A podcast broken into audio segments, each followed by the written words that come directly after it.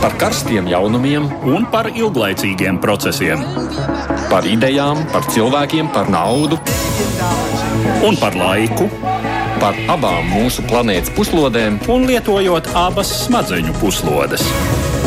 Ēterā raidījums divas puslodes. Labdien, man sauc Aits Tomsons. Otrs šī raidījuma līdzautors Edvards Liniņš šodien būs pie tālruņa klausulas. Divas puslodes ir raidījums par notiekošu ārpus Latvijas. Mūsu uzmanības lokā stundas garumā starptautiskās aktualitātes, un šodien plašāk runāsim par šādiem tematiem. Spriedze pie Polijas robežas ar Baltkrieviju tikai pieaug.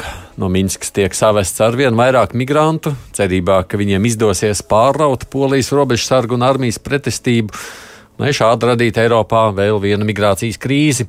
Šis ir kļuvis izaicinājums ne tikai Polijai, bet visai Eiropas Savienībai. Daudz ļaužu šajās dienās vērojam arī Gruzijas galvaspilsētas Tbilisī ielās. Tur pulcējas kādreizējā prezidenta Mihaila Sākašvili atbalstītāji. Sākašvili atrodas apcietinājumā un ir pieteicis bada streiku. Viņš un viņa dombiedri uzskata, ka valdošā vara izrēķinās ar savu politisko pretinieku. Tomēr tādu ļoti plašu atbalstu bijušais prezidents savā dzimtenē nebauda. Apkoposim šodien arī tās ziņas, kas turpināja nedēļas gaitā pienākt no Glāzgovas, kur noslēdzas ANO klimata konference. Kādi ir secinājumi? Kā vērtēt Glāzgovā panākto, cik reāli pasaulē izdosies nobremzēt globālo sasilšanu? Būs arī dažas citas ziņas īsumā, bet mēs sākam vispirms ar notiekošo pie Polijas-Baltkrievijas robežas. Baltkrievijas diktatora Lukašenko režīms acīm redzami mainījis savu taktiku kopš jūlijā piekoptajā hibrīda agresijā pret Eiropas Savienību, kurā kā ierocis tiek izmantoti migranti no Āzijas un Āfrikas valstīm. Pirmdien Polijas robeža ar Baltkrieviju netālu no Kuznīcas pilsētiņas valsts ziemeļaustrumos sasniedz apmēram tūkstoti liela migrantu kolonna, kuru pavadīja un virzīja Baltkrievijas spēku struktūru pārstāvji. Kolonas sastāvā pamatā ir vīrieši spēka gados, taču ir arī sievietes un bērni. Notika pirmais mēģinājums masveidā ielausties Polijas teritorijā, nojaucot aizsprostus un žogus, kam potenciālie robežu pārkāpēji izmantoja knaiblas, lāpstas un mežā sadabūtus koku stumbrus. Polijas robežsardzes, policijas un armijas personāls šos mēģinājumus novērsa, laižot darbā asaru gāzi. Migrantu pūlis skandēja Vācija, Vācija, tā apzīmējot savas kustības iecerēto galamērķi. Tagad migrantu masa izvietojusies zem klajas debesu robežas Baltkrievijas pusē, un pēc raidsabiedrības BBC sniegtajām ziņām to skaits šajā rajonā varētu būt lēšams uz 4000. Pagājušās dienās notikuši mēģinājumi izlausties cauri robežai mazākās grupās, kā arī vairāki simti atsevišķu nelikumīgu robežu šķēršošanas mēģinājumu, daži no kuriem bijuši veiksmīgi. Par to liecina dažādu mediju sagatavotie materiāli žurnālistiem saziņā ar humanās palīdzības aktīvistiem, uzmeklējot Polijā jau iekļuvušos migrantus. Saskaņā ar viņu stāstīto, Baltkrievijā viņi nonākuši ar ceļojuma aģentūru starpniecību, samaksājot vairākus tūkstošus dolāru, bet pēc tam Baltkrievu spēku struktūru nogādāt uz robežu. Pie tam Baltkrievu drošībnieku viņiem daudzos gadījumos atņēmuši dokumentus un mobilā telefona pieslēguma vietkartes. Tā nu šie cilvēki nonākuši neapskaužamā situācijā pierobežu zonā bez garantētas pārtikas, medicīniskās palīdzības un pajumtes, gaisa temperatūrai naktīs noslīdot zem nulles atzīmes. Atsevišķas starptautiskās cilvēktiesību organizācijas un mediji kritizējuši polijas politiku, neielaižot migrantus savā teritorijā un liedzot piekļuvu robežai palīdzības organizācijām un mediju pārstāvjiem.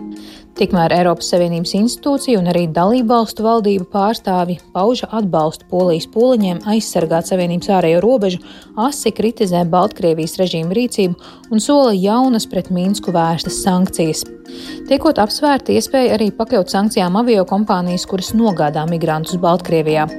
Vācijas kanclere Angela Merkele vakar apspriedusi radušo situāciju telefonu sarunā ar Krievijas prezidentu Vladimiru Putinu, taču maz ticams, ka šīm pārunām būs kādi tūlītēji rezultāti. Pie klausulas Edvards Liniņš. Sveiks, Edvard! Labdien! Rīgas Traģiņu universitātes Eiropas studiju fakultātes dekāns, ārpolitikas institūta direktors Andris Sprūts. Labdien!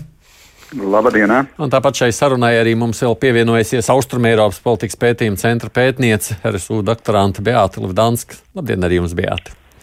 Sveicināti! Mums šodien kruspunktā jau bija stundas garumā diskusija par šo tēmu. Mēs daudz aspektus izrunājām, daudz nepaspējām. Tāpēc virzīšu sarunu tai vienā, kas, manuprāt, ir tas aktuālākais, proti, kas notiks tālāk. Nu, cik ilgi šāda spriedze pie robežas vispār var turpināties? Tur taču kaut kādam risinājumam Beāta ir jābūt, vai ne? Um, jā, šobrīd, um, šobrīd, protams, tas, kas notiek uz robežas, ir uh, ļoti kritiski. Um, redzam to, ka uh, pieplūst aizvien vairāk šo cilvēku pēc tās, uh, pēc tās informācijas, ko publisko žurnālisti, protams, arī un uh, Un uh, cilvēki, kas redz ne tikai to, kas notiek pie robežas, bet arī to, kas notiek Minskas ielās. Uh, šobrīd jāsaka, ka šis izaicinājums ir ne tikai šīm te uh, valstīm, uh, uz kurām tiek izdarīts spiediens, uh, bet arī pašai Baltkrievijai. Uh, proti, redzot tos kadrus, kas šobrīd notiek Minskā, ir pamats. Uh, ir pamats teikt, ka arī pašai Baltkrievijai šobrīd nebūt nav viegli, jo šīs cilvēku masas, kas ir pieplūdušas Minskā, var kļūt ne tikai par nopietnu apdraudējumu drošībai, bet arī radīt izaicinājums, arī radīt izaicinājums reģio, režīmam, kur tad šos cilvēkus likt. Nu, režīms jau, kā zināms, ir diezgan despotisks. Visi tie kadri, jau, kas arī šobrīd parādās starptautiskajos medijos, cik ļoti Lukašenko, nu, ir sitis, sadauzījis tos cilvēkus, viņiem jau, viņam jau neprasa grūtības ar varu, nu, tikt galā ar šādiem cilvēkiem, ne? Um, domāju, ka šajā konkrētajā kontekstā viņa uh, viņa mērķis nebūt, nebūtu uh, šos te cilvēkus ierobežot ar, ierobežot ar varu un apspiest pilsētas centrā, bet gan mēģināt viņus koordinēti nogādāt pie šīm te ārē, Eiropas Savienības ārējām robežām. Viens lielais jautājums, protams, ir to, vai protams, ir tas, vai palielinoties šim cilvēku skaitam, uh, to, ir viegli, uh, to ir tik viegli izdarīt, un līdz ar to tas var kļūt par nopietnu apdraudējumu viņa paša režīmam un stabilitātei. Andri, kā izskatās tā tālākā notikuma attīstība? Uh, Nu, laikam, ja mēs definējam no vairākām pusēm to izspēli, tad var jau teikt, ka principā neviena puse, vai šeit, šajā gadījumā Baltkrievijas pusēs, kur stāv Krievija, no Lukašenko ar Putinu, no, no vienas puses un Eiropas Savienību, protams, ar robežu valstīm, šajā gadījumā Poliju, Lietuvu un Latviju, nu nevar piekāpties. Principā piekāpšanās riski ir uh, daudz lielāki nekā nu, iziešanas kaut kādu kompromisu. Uh, It īpaši tas attiecās uz Poliju, tas attiecās uz Eiropas Savienību, jo skaidrs, ka būs piekāpšanās un uh, šī cilvēku plūsma, migrantu plūsma ies pāri robežai, nu tā to apstādināt faktiski ir neiespējami, jo tas nozīmē, ka tad ir slūžas vaļā. Uh, Lukašenko gadījumā tieši tā, viņam pat varbūt tā situācija ir tāda, ka viņam ir spiediens, ka šie migranti kaut kur jāliek, viņi netiek pāri robežai, tad iespējams tomēr viņš nevar pieņemt viņus tik daudz. Un tajā brīdī, kad beidzās bezvīzu režīma 30 dienas, tad varbūt pat viņi jāsāk pamazām sūtīt mājās. Vai kaut kā savādāk no viņiem ir jātiek arī vaļā. Uh, respektīvi, tāpēc man šķiet, ka tuvākajā laikā spriedze var pieaugt. Uh, tā spriedze var arī pārvirzīties uh, uz robežu dažādiem galiem, ieskaitot arī uz robežām, kas ir Lietuva un Latvija. Šī nav migrācijas krīze, šī vispirms ir ģeostrateģiska politiska krīze. Uh, Un, uh, bet es neredzu nekādu nu, varbūtību to, ka Eiropa šeit ar šīs valsts konkrētā, tā skaitā Latvija varētu piekāpties, jo piekāpšanās, kā es teicu, nu, ir stipri riskanta visādā ziņā. Un uh, tāpēc šī atstumšana būs, bet vienlaikus nenoliedzam, ka Eiropai šī morālā cilvēciskā daļa vienmēr tā ir bijusi uh, dilema, tā ir saprotama dilema. Uh, Un es neizslēdzu, ka varbūt tomēr Frontex parādīsies uz robežas, iespējams, ka tomēr arī kaut kādas atbalsta organizācijas parādīsies, lai šie cilvēki, pat ja viņi tiek vienlaicīgi atstumti, tomēr nu, gluži nenomirtu uz uh, Eiropas vienkārši robežas. Edvards, savukārt, skatoties no tāda militārā viedokļa, nav risks liels par nu, provokācijām un tālāk iespējām jau meklējumiem vainīgā jau ieroču veidā? Nu, jā, šāds risks, protams, pastāv. Un interesanti ir arī tas, ko šķiet tieši šodien ir teicis viens no nozīmīgākajiem Lukašenko opozicionāriem šobrīd emigrācijā esošais Pavels Latuško, kas ir bijušais Baltkrievijas augsta ranga diplomāts, kurš ir teicis, ka viņa prāt Minska plāno ne tikai šādu hibrīda operāciju, bet ka plāni nopietnāk iesūtīt Eiropas Savienībā iepriekš sagatavotus Eh, jau ar eh, kaujinieku sagatavotību. Viņš arī teica, tie varētu būt eh, cilvēki, kuriem ir Sīrijas pilsoņu kara vai kara darbības Irākā pieredze.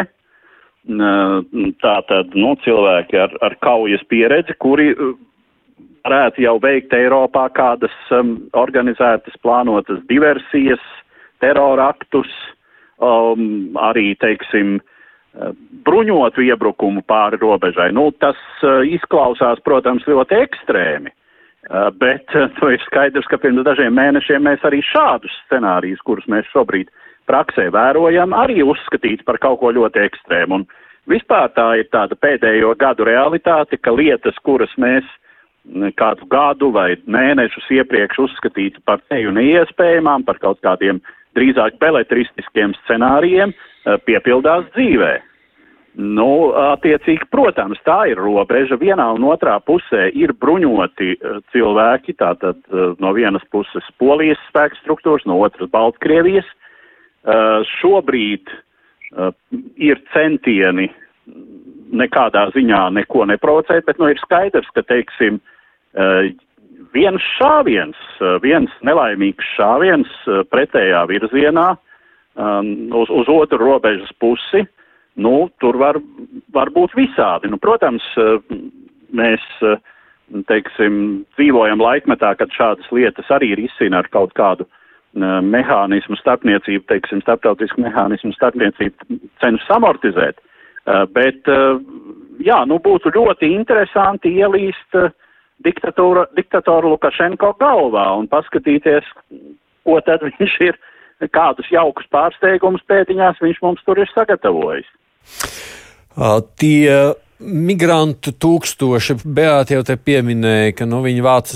Es jau saprotu, vai ne Beāti tajās ielās joprojām nāk ar katru dienu klāt un klāt un klāt, vai ne Minskas? Jā, tas ir tas, ko varam, varam vērot sociālajos tīklos no šiem ievietotajiem video. Tad uh, tiešām šis cilvēku pieplūdums ar katru dienu palielinās. Protams, ir jautājums par to, cik liela ir patiesībā šie skaitļi. To mēs noteikti nezinām, varam vien provizoriski aplēst, bet uh, tas ir tiesa, jā, ka cilvēku skaits palielinās. No, nu, Amerikas balss ziņoja vakar no rīta, tie kā 12 līdz 14 tūkstoši bija vakar. Nu, pēc viņu aplēsēm, cik viņiem ir tā informācija. Bet nu, es saprotu, ka viņi ar katru dienu nāk klāt joprojām. Bet kaut kur taču viņiem ir. Nu, nu nu, viņi jau neuzsūksies paši par sevi nekur. Ja, ja, ja Andris saka, ka viņi nevar ne vienu pusi, ne otru pusi piekāpties, kaut kur taču kaut kas taču notiks kādā brīdī. Nu, visdrīzāk jau eh, es, es tā domāju. Eh, nu, man, man ir faktiski tā, tā versija, kas, kas, eh, kas man šķiet visticamākā. Nu, ka tomēr tiks iesaistītas apvienoto nāciju struktūras.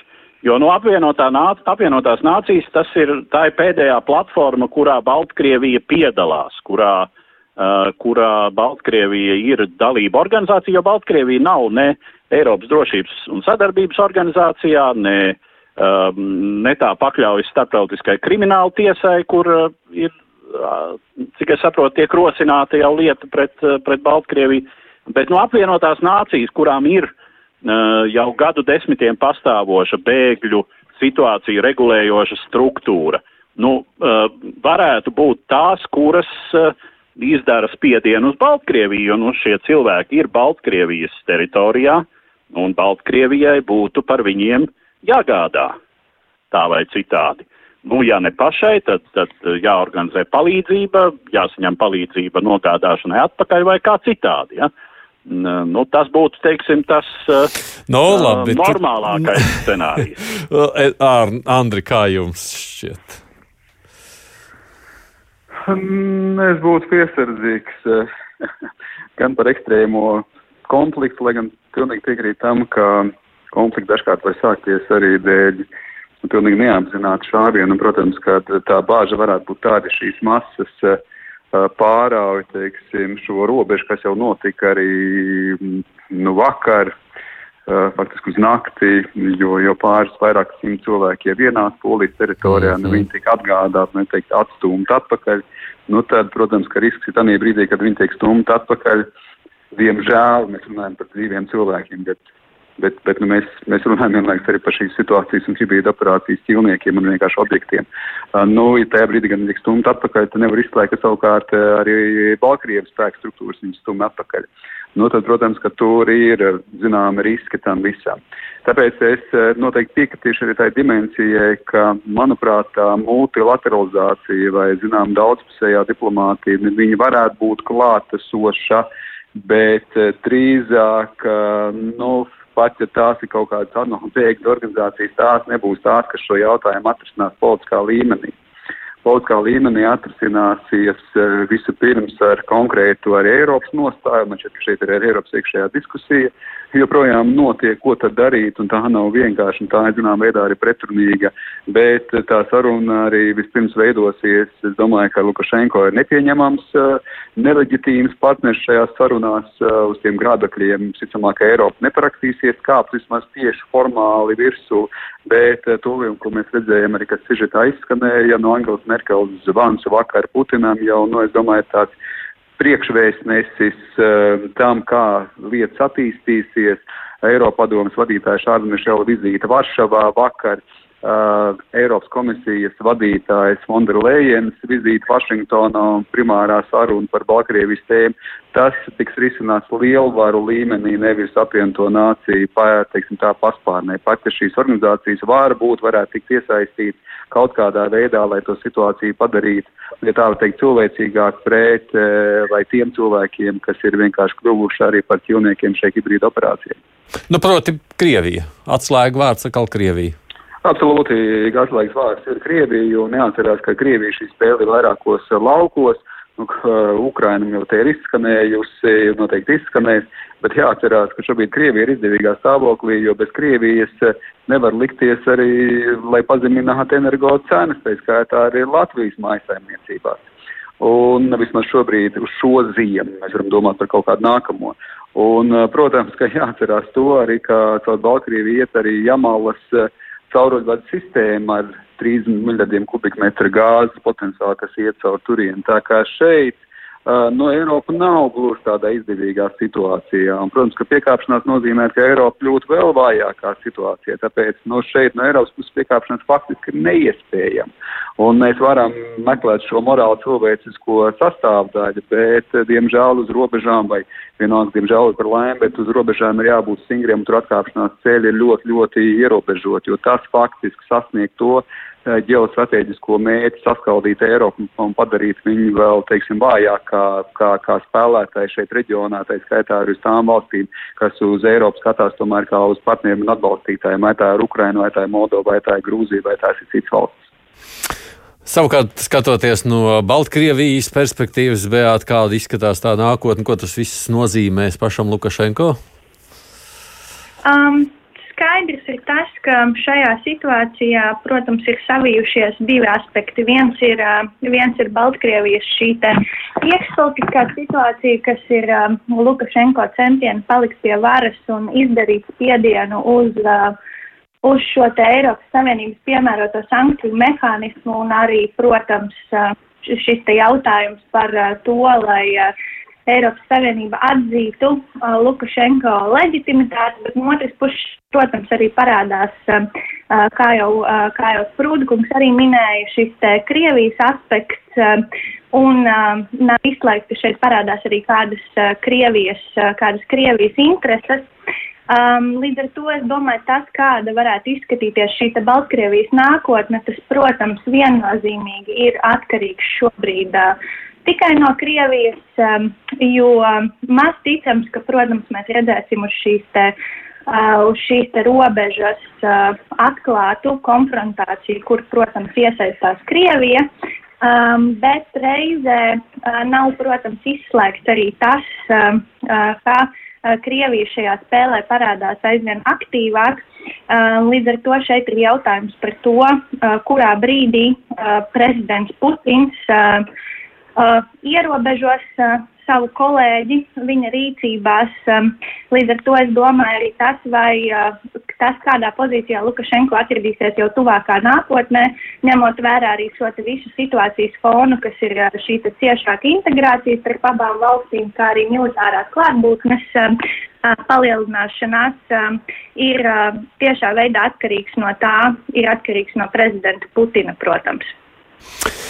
Nu jā, mēs par šo tematu man šķiet vēl runāsim nereizi tagad vien, jo te jau ir tie vairākie aspekti. Gan to, kas notiek pašā Eiropas Savienībā, par ko mēs jau diezgan šodien arī kruspunktā runājām, par situācijas izpratni un centieniem panākt vienprātību. Otra lieta ir šī starptautiskā Uh, nu, politika, ja meklējumi, saruna meklējumi, kas acīm redzot, tuvākajās dienās noteikti kļūs ar vien intensīvāki. Trešais ir robežu sargāšana, kas Latvijai jā, ir drošs jautājums, ir aktuāls. Un ceturtais, kas vispār notiks tālāk ar Baltkrieviju. Mums te ir ļoti daudz lietas, par ko runāt. Tā kā es jums saku, šodien paldies! Mēs, uh, nu, cik nu paspējām parunāsim, bet pie šīs tēmas vēl nāksies noteikti atgriezties. Īpaši saku Beatai Livdonskai. Paldies par veltīto laiku. Šodien sarunā par šo tēmatu. Viņa mums, kā zināms, ir Austrum Eiropas politikas pētījuma centra pētniece un RSU doktorante. Ņemot vērā to, ka mēs diezgan daudz jā, runājam jau kruspunktā, pievēršamies arī vēl citiem tematiem šodien uh, Gruzijā, jau kuru dienu nerimst. Bet varētu arī teikt, ka vairojas spriedze notiesātā eksprezidenta Mihaila Sākašvilī dēļ. Uh, un vispirms faktu apkopojums. Politologs Mihāls Sakašvili bija Grūzijas republikas prezidents no 2004. līdz 2013. gadam. Tas bija laiks pēc tā sauktās Rožu revolūcijas 2003. gadā, kas bija iezīmīgs ar aktīvām reformām, mēģinot tuvināt Grūziju rietumu demokrātijām kā ārpolitiski, tā tiesiskumu un valsts pārvaldes standartu ziņām. Šajā laikā Grūzija piedzīvoja arī Krievijas militāro agresiju 2008. gadā, kad Kremlis iejaucās ilgi gruzdošajos konfliktos ar Grūzijas separātiskiem reģioniem Abhāziju un Dienvidosetiju. Pēc otrā prezidentūras termiņa beigām Mihāls Sakašvili pameta dzimteni un 2014. gadā iesaistījās Ukrainas politikā, kļūstot par tā saucamā Eiromaidana atbalstītāju un pēc šiem notikumiem ievēlētā prezidenta Petro Porošenko līdzgaitnieku. Pēc pāris gadiem abu attiecības gan samaitājās. Sakašvili pat tika atņemta Ukrainas pilsonība un viņš tika izraidīts no valsts.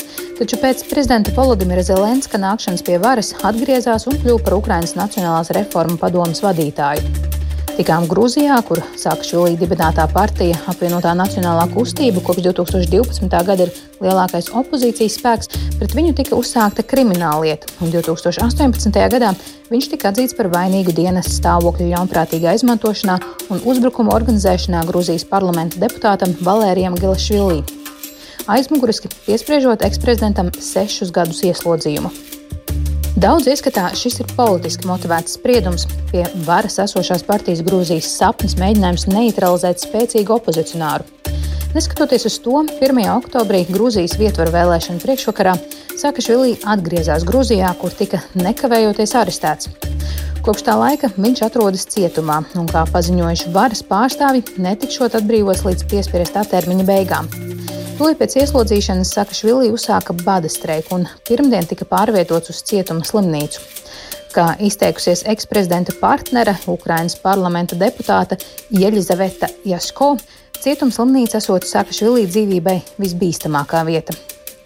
Kopš eksprezidenta āresta Tbilisī notiek pastāvīgas viņa atbalstītāju protestu akcijas, kas attiecas uz 2. oktobra vietvaru vēlēšanām. Valdošā partija Grūzijas sapnis tajās guva pārliecinošus panākumus. Organizācija Transparency International gan norādījusi, ka novērojot vēlēšanas, konstatēti apmēram 150 dažādas nopietnības pakāpes pārkāpumi. Divas puslodes! Andris Sakašvili ir politiskais cietumnieks vai tomēr vainīgs arī ir, lai būtu cietumā? Ah, es atvainojos, es esmu maz, mazliet tehnisks ķibeles dēļ, tūlīt tās pieslēdzos atpakaļ. Andri, dzirdēju jautājumu. Jā, jā jautājumu, jā. jautājumu, jautājumu dzirdējumu. Protams, ka uh, nu noteikti jau politikā, postpadomu politikā noteikti nav dūma bez uguns gan uz vienu, gan uz otru pusi. Uh, tas, ka nenoliedzam, ka šeit ir gan politiskā, gan personīgā savstarpējā cīņa un konkurence, un eh, es pat teiktu, mazliet varētu būt pat arī naida elements, un tas šajā gadījumā, es domāju, starp Mihails Sakašvili un Ivana Švili, jo man pašam savā laikā nācās arī intervēt uh, um, Bidzini Venašvili, kad viņš bija tikko kā kļūst par premjeru, un, eh, teiksim, tur bija pilnīgi skaidrs, ka pilnīgi nepiekāpšanās tas, ka Mihails Sakašvili var atgriezties uh, Gruzijas politikā. Tā kā tur es domāju, ka ir pietiekoši daudz personiskā dimensijas starp, starp bijušo prezidentu un cilvēku, kas izveidoja Gruzijas sapnu un ir joprojām, nu, de facto Gruzijas sapņu, arī šobrīd Gruzijas eh, de facto, teiksim tā, likteņu un, un, un arī cilvēki, kas ir pie vāras eh, faktiski noteicējis. Uh, līdz ar to, jā, es domāju, ka šeit ir abas puses, tā ka šeit ir šī politika un, un tas, ka viņš ir kļūst, protams, arī pa politisko uh, zaudētāju, un respektīvi tad situācija tiek izmantot, kā mēs redzam, no otras puses arī, protams, ka No tā vien šķiet, ka pilnīgi gludi jau tie gadi nebija, kas, ja mēs redzam arī to, ko, teiksim, tos desmit gadus, kad Mihāls Kašvilī bija uh, valsts galvalī, galvalī. Tā kā uh, noteikti abi elementi ir klātesoši, un es domāju, ka būs ļoti grūti šeit atrast uh, tieši šo iepriekš minēto iemeslu dēļ arī kaut kādu, zinām, politisko kompromisu. Tā vien šķiet, ka to, ka vo princips, ka viņš postpadomu tāpā joprojām darbojās. Ja tu nonāc pie varas, tad tevi lielā mērā ir jādara viss, lai nekas no iepriekšējās varas pie varas nespētu atgriezties. Mm.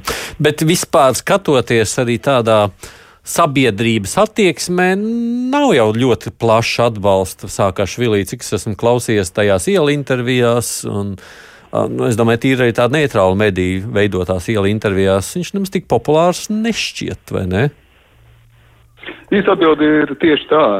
Es domāju, ka arī Mihāls Sakašvilis zieda laiks, nu viņš, nu viņš daļai arī beidzās 2008. gadā. Es domāju, ka tas reformātors, kas tiešām ļoti daudz izdarīja priekš Gruzijas, Gruzija kļuva pavisam savādāka, kā tā bija iepriekš, tā uzņēma šos apgriezienus, kļuva dinamiska, Uh, arī tā skaitā arī Zinas Junešvili, teiksim, tā investīcijām un palīdzību, bet tā kā arī tur bija sadarbības starp vairākiem šiem, teiksim, tā ļoti nozīmīgiem Gruzijas spēlētājiem.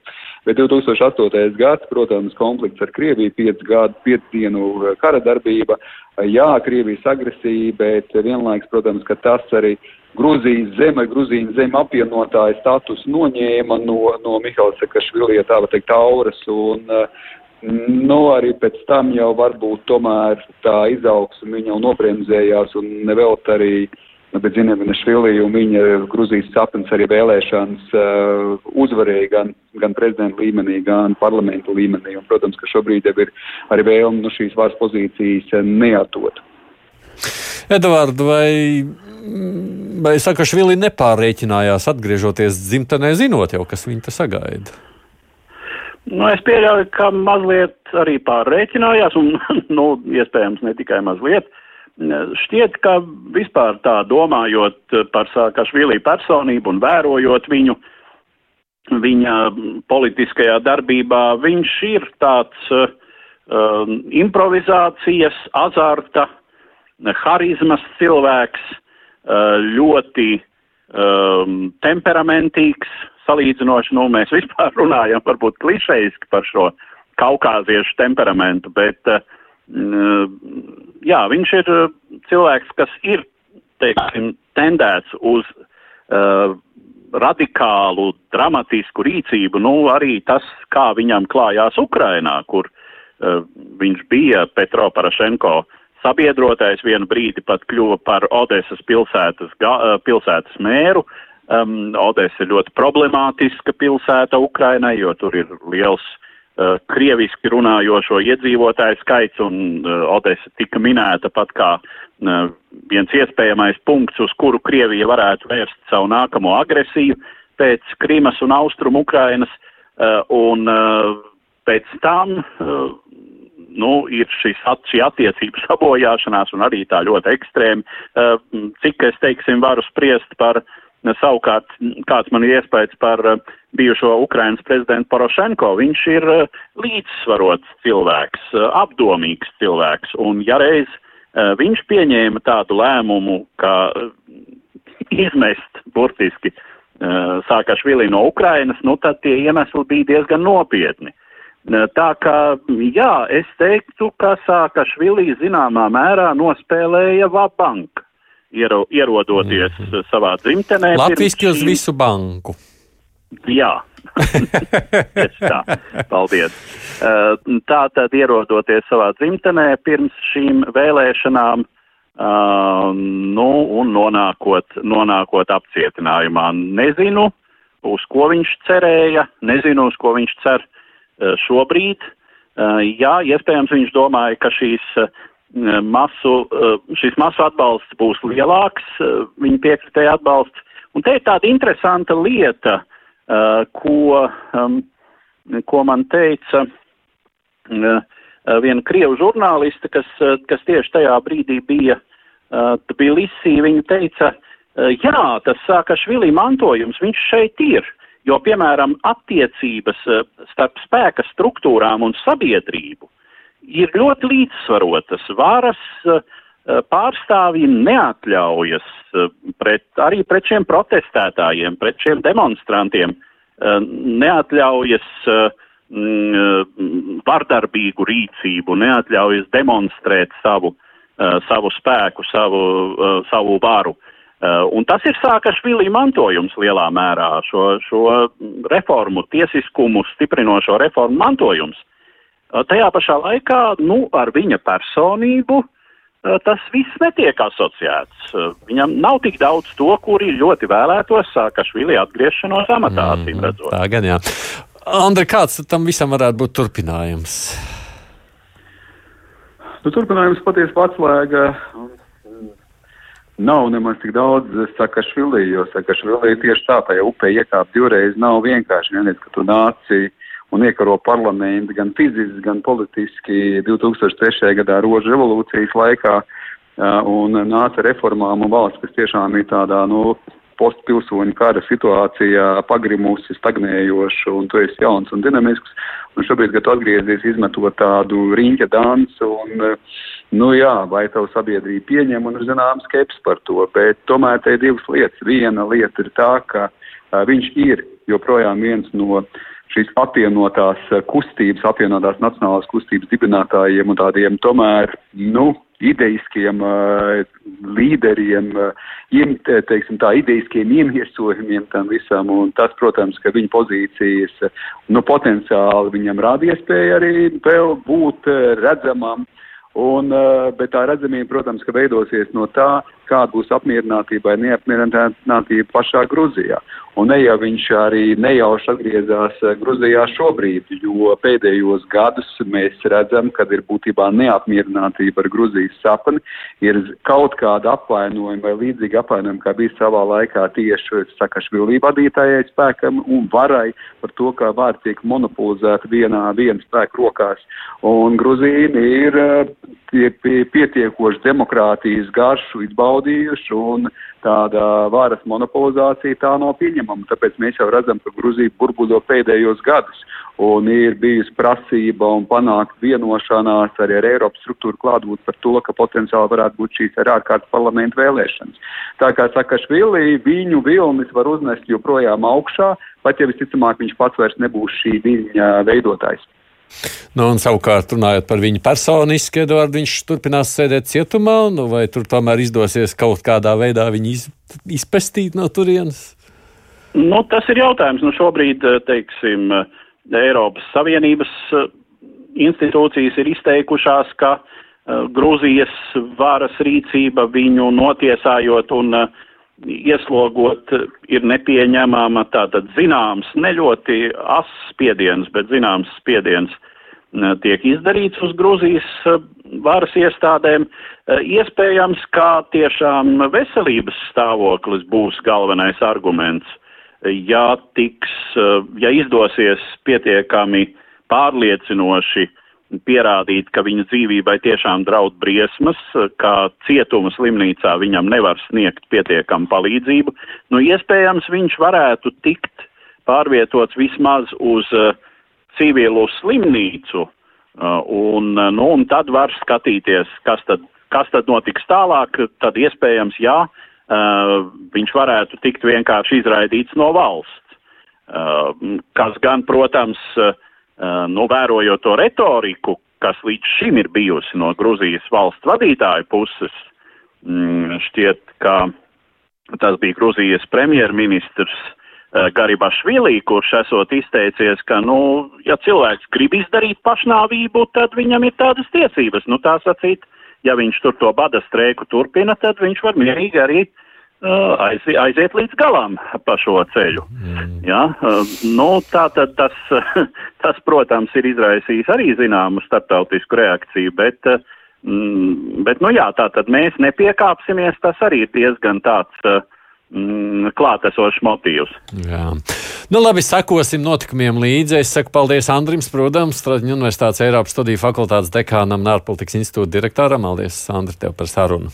Paldies, paldies, apsveic, veiksmīgi. Jā, mums ir vēl viens temats, kuram mēs gribam veltīt. Uh, mazliet vairāk laika. Mēs jau iesākām to pagājušā nedēļā, kad runājām par Glasgowā notiekošo klimata konferenci, bet nu, pirms tam apkoposim dažas citas ziņas īsumā.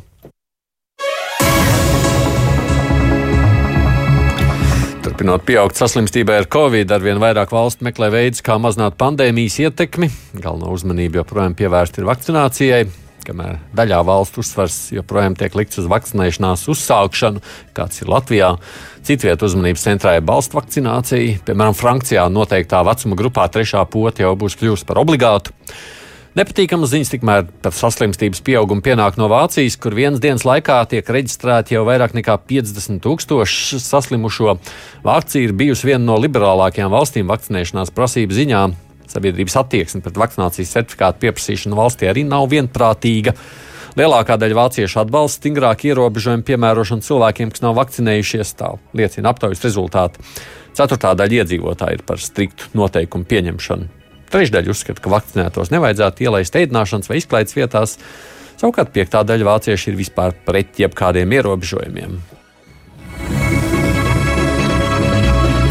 Politiskās krīzes, acīm redzot, Čehijā nebūs. Hospitalizētais valsts prezidents Milošs Zemans ir pārvests no intensīvās aprūpes nodaļas uz rehabilitācijas nodaļu. Turklāt otrdien viņš valdības veidošanu ir labējās pārnu deputātam Petram Fielam, kura vadītā koalīcija kopā uzvarēja parlamentu vēlēšanās. Zemans līdz šim deva priekšroku līdziniem premjerministram saniem sabiedrotiem Andrijam Babišam, kura populistiskā partija neapmierināto pilsoņu akciju vēlēšanās zaudēja Fielas vadītajam blokam. Babišs šodien iesniedz jau Jā, tad, tad atkāpšanās rakstu.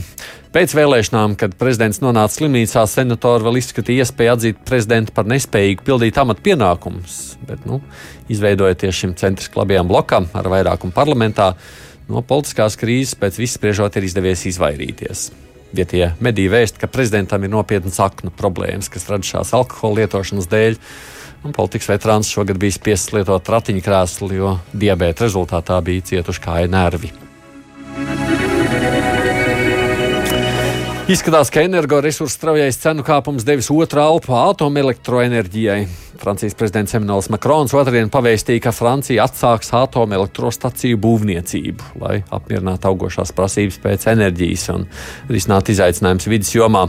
Lai garantētu Francijas enerģētisko neatkarību un sasniegtu mūsu mērķus, konkrēti oglekļa neutralitāti līdz 2050. gadam, mēs pirmo reizi vairākās desmitgadēs valstī atsāksim kodola reaktoru būvniecību. Tā uzrunā valstī sacīja prezidents. Francija lielāko daļu elektrības iegūst atomelektrostacijās, bet nu, šobrīd būvē tikai vienu trešās paudzes kodola reaktoru Flamanvilā, Normandijā. Tomēr darbs šajā objektā, kas tika uzsākts vēl 2007. gadā, jāpabeidz. Francijas enerģētikas uzņēmums EDF pavasarī valdībā iesniedz priekšspējas ziņojumu par programmu, kas paredz sešu jaunu kodola reaktoru būvniecību. Deviņas no desmit žurnālistu slepkavībām joprojām ir neatklātas. Tā liecina UNESCO ziņojums par tendencēm žurnālistu drošībā. Arī dati rāda, ka pēdējās piecas gadus laikā žurnālistu slepkavības ir samazinājušās. Tomēr vēl aizvien ir ļoti augsta nesodāmība par noziegumiem, kas pret tiem paveikti. 87% no veiktām žurnālistu slepkavībām ir neatrisinātas. Turpina pieaugt žurnālistu aizturēšanas un citi pret viņiem vērstu uzbrukumu veidi. Savukārt kopš 20. gada sākuma arī Covid-19 pandēmija ir sāsinājusi žurnālistu drošības saistītās problēmas. Visvairāk slepkavību notikušas ir Latvijā, Amerikā un Karību reģionā, arī Āzijas un Klusā okeāna reģiona valstīs. Vislielākais slepkavības skaits ir veikts Meksikā. Tur ir nogalināts 61 žurnālists. Otrajā vietā Afganistānā tur bojā gājis 51 kolēģis. Jāpiebilst arī tā, tad ar vien vairāk žurnālisti nonāk cietumā. Tikai pagājušā gadā vienā aiz restēm ieslodzīti 274 žurnālisti, un tas ir lielākais skaits pēdējo gandrīz 30 gadu laikā. Un vēl Baltkrievijas valsts televīzija svētdien paziņoja, ka par līdzdalību 6. janvāra Kapitolija nekārtībās apsūdzētais amerikānis Evans Ņūmens ir lūdzis patvērumu Baltkrievijā. Viņš augusta vidū nelegāli šķērsojis Ukrainas un Baltkrievijas robežu. ASV pilsonis lūdz patvērumu Baltkrievijā. Izklausās neticami, bet ir fakts, norāda telekanāls Belarus 1. Kanāls pārraidīja interviju ar Ņūmenu, kam ASV ir izvirzīts krimināla apsūdzības sešos punktos, arī par uzbrukumu policistiem. Intervijā bijušais Kalifornijas iedzīvotājs uzstāja, ka nav vainīgs un ka policistiem nav uzbrucis. Ņūmens ir vienkāršs amerikānis, kas centās panākt taisnību un uzdeva nērtus jautājumus, bet zaudēja praktiski visu, un viņu vajā ASV valdība. Tā klāstīja Baltkrievijas oficiālā televīzija. Nu, tādas ziņas īsākā apkopojumā bija, bet tā tad vēl ir ētera laiks vienam tematam plašāk, un atgriežamies šodien pie jau aizsāktā temata par klimatu konferenci Glāzgovā. Vispirms faktu apkopojums. Rīt noslēgsies teju divas nedēļas ilgusī apvienoto nāciju klimata pārmaiņu konference Glāzgovā. Iesākts ar daudzu valstu galvu uzstāšanos, starptautisko organizāciju pārstāvju un vidas aktīvistu uzrunām, samits turpinājās pārunu un dokumentu izstrādes procesā. Vakar tika publiskots konferences gala dokumenta vienošanās teksta uzmetums, kura saturā ietverti vairāki vidas politikas attīstības aspekti. Paredzams, ka dokumentā tiks ietverta valstu apņemšanās izvirzīt ambiciozākus oglekli saturošo izmešu samazināšanas plānus līdz nākamā gada beigām un palielināt kopēju finansējumu negatīvu klimatu pārmaiņu mazināšanai virs 100 miljārdiem dolāru gadā. Vairāk nekā 100 valstis, kuru teritorijā atrodas apmēram 85% pasaules mežu, apņēmušās līdz 2030. gadam izbeigt mežu platību sarukšanu. Tāpat vairāk nekā 100 valstis apņēmušās šai pašā termiņā samazināt metāna izmešu apjomu par 30%. Vairāk nekā 40 valstis apņēmušās pakāpeniski atteikties no akmeņogļu iegūs, tā skaitā arī tādi nozīmīgi šīs nozares spēlētāji kā Polija, Čīla un Vietnama. Vairāk nekā 450 finanšu organizācijas, kuras kopā kontrolē apmēram 130 triljonus dolāru, piekritušas pārtraukt fosilā kurināmā iegūs un izmantošanas finansēšanu, pārorientējot kapitāla ieguldījumus uz vidē draudzīgākām enerģētikas tehnoloģijām. Tomēr tiek atzīmēts, ka paredzamajā dokumentā joprojām iztrūks tādi būtiski globālās klimata politikas aspekti, kā paredzamais finansējums klimata mērķu sasniegšanai periodam no 2025. līdz 2030. gadam, atbalsts klimata pārmaiņu visvairāk skartajām pasaules valstīm un unificēts mehānisms, kādā valstis ziņos par panākto progresu.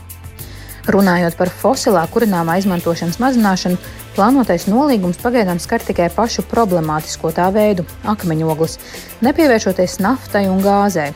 Tāpat katrā vienošanās sadaļā iztrūkst vairāku nozīmīgu valstu. Ķīna pagaidām nav pievienojusies nolīgumam metāna izmešu un akmeņogļu sadaļās, Krievija metāna izmešu sadaļā, Indija, Austrālija un Savienotās valsts akmeņogļu sadaļā. Indonēzija, kas ir viena no lielākajām meža izcirtējām pasaulē, kaut pievienojusies sadaļai par meža audzēšanu, nodēvēja šo nolīgumu par netaisnīgu, tā veicinot bažas par valsts gatavību izpildīt apņemšanos.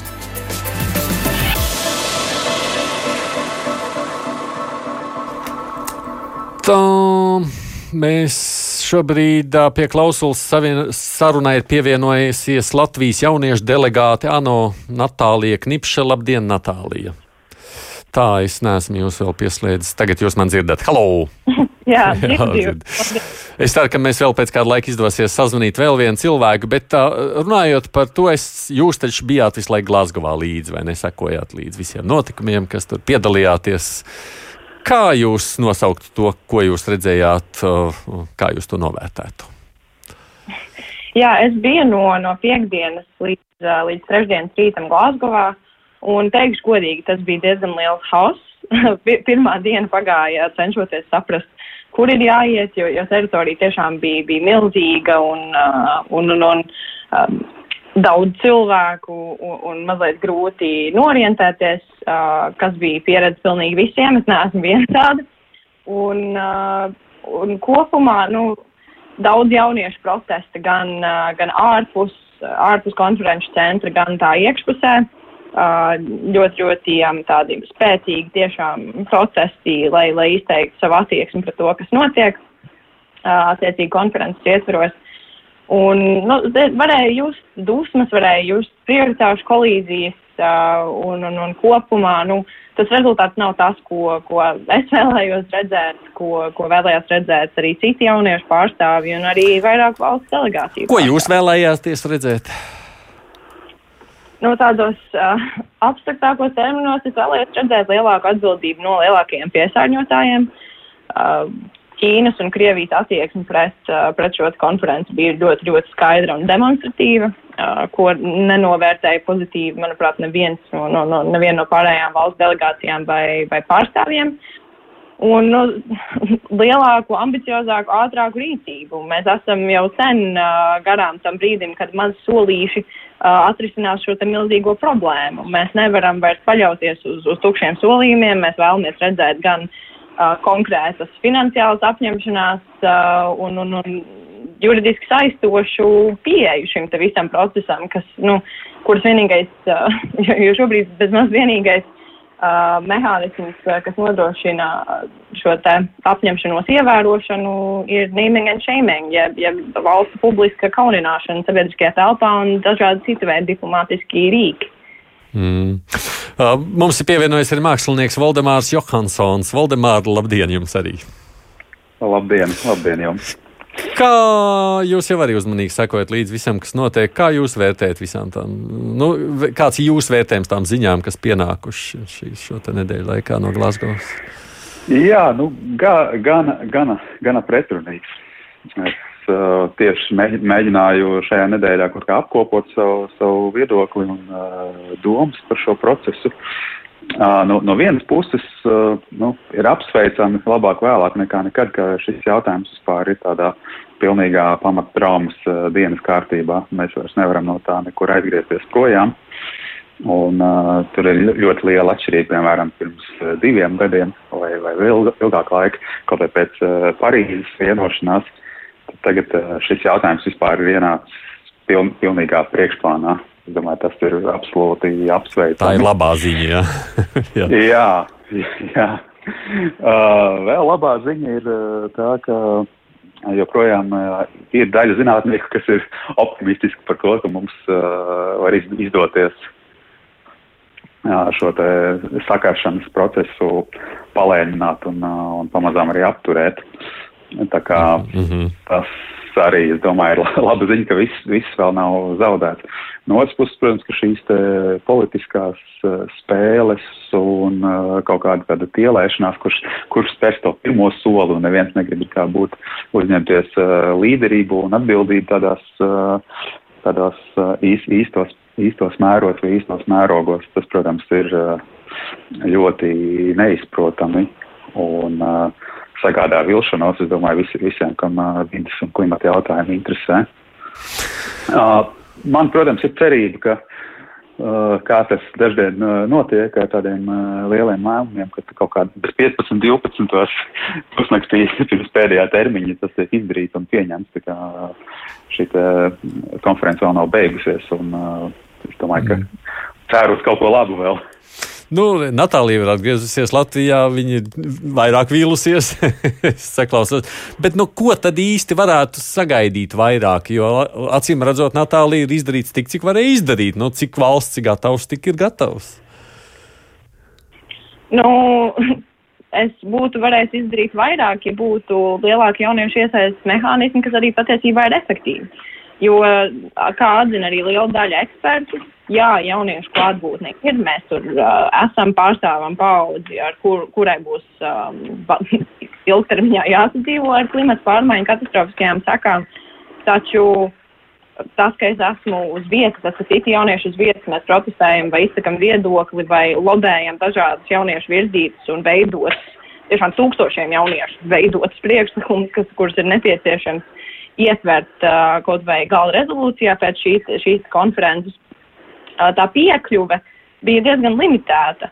Uh, nav iespēja līdz galam būt pie, nu, protams, ne pie tā lēmuma pieņemšanas galda, bet tieši pat ne pie mm, konkrēto diskusiju galda.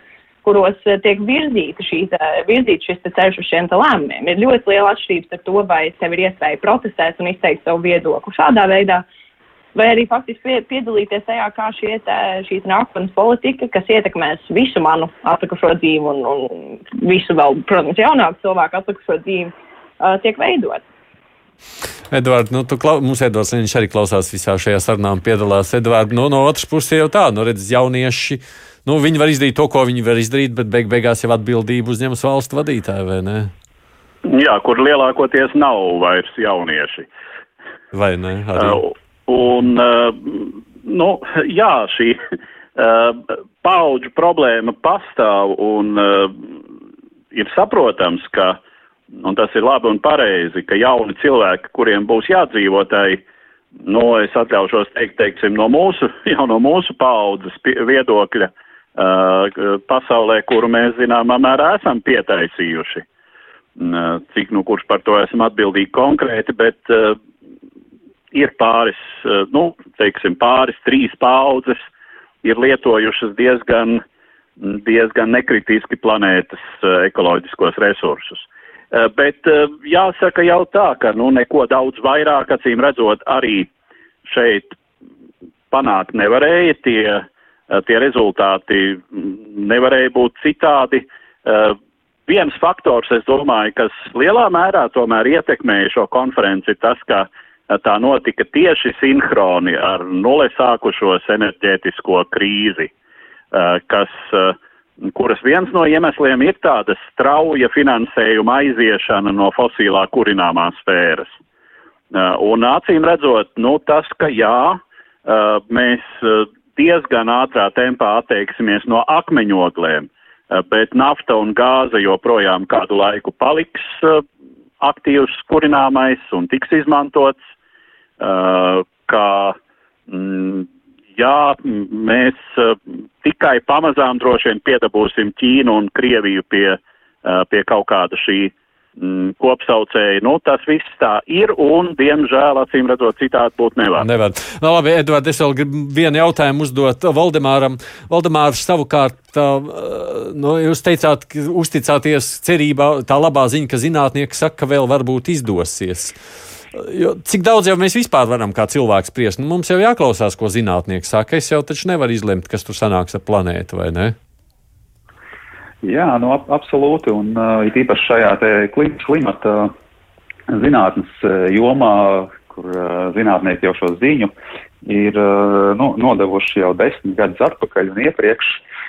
Un uh, es nesen dzirdēju uh, vienu pētnieku runājumu tā, ka nu, viņu, viņu iespējā bija tā, ka viņi atklāja šīs klimata sakaršanu Un viņi gaidīja, ka būs līdzīgi kā pie ārsta, kad kādam cilvēkam uzstāda diagnozi, Un ārste cilvēks arī necenšas kaut kā apstrīdēt, ka varbūt tā nemaz nav, vai varbūt ir citādāk, bet ir vienkārši oh. laimīgs par to, ka ir problēma diagnosticēt un cenšas to labot un ārstēt. No, jā, kas, kas gan īpaši ironiski šobrīd. Šajos laikos, vai ne Covid, kur, kur mēs redzam, kā mēs par to izturamies. Man, man žēl, kolēģi, ka jums ir jābeidz šī saruna, bet nu ir tā, kā ir. Un ar, ar šiem viedokļiem, kurus jūs paudāt, es domāju, mēs arī varam, nu, nu jā ar cerību un vilšanos sajūtu pabeigt šo sarunu. Latvijas jauniešu delegāte Ano Natālija Knipše un mākslinieks Valdemārs Johansons. Paldies jums! Protams, arī Edvards Liniņš, es Aidis Tomsons. Paldies! Bija šeit studijā Paldies. divas puslodes šodien, līdz ar to izskan mūsu producenti Ieva Zeiz. Tiekamies šeit atkal pēc nedēļas.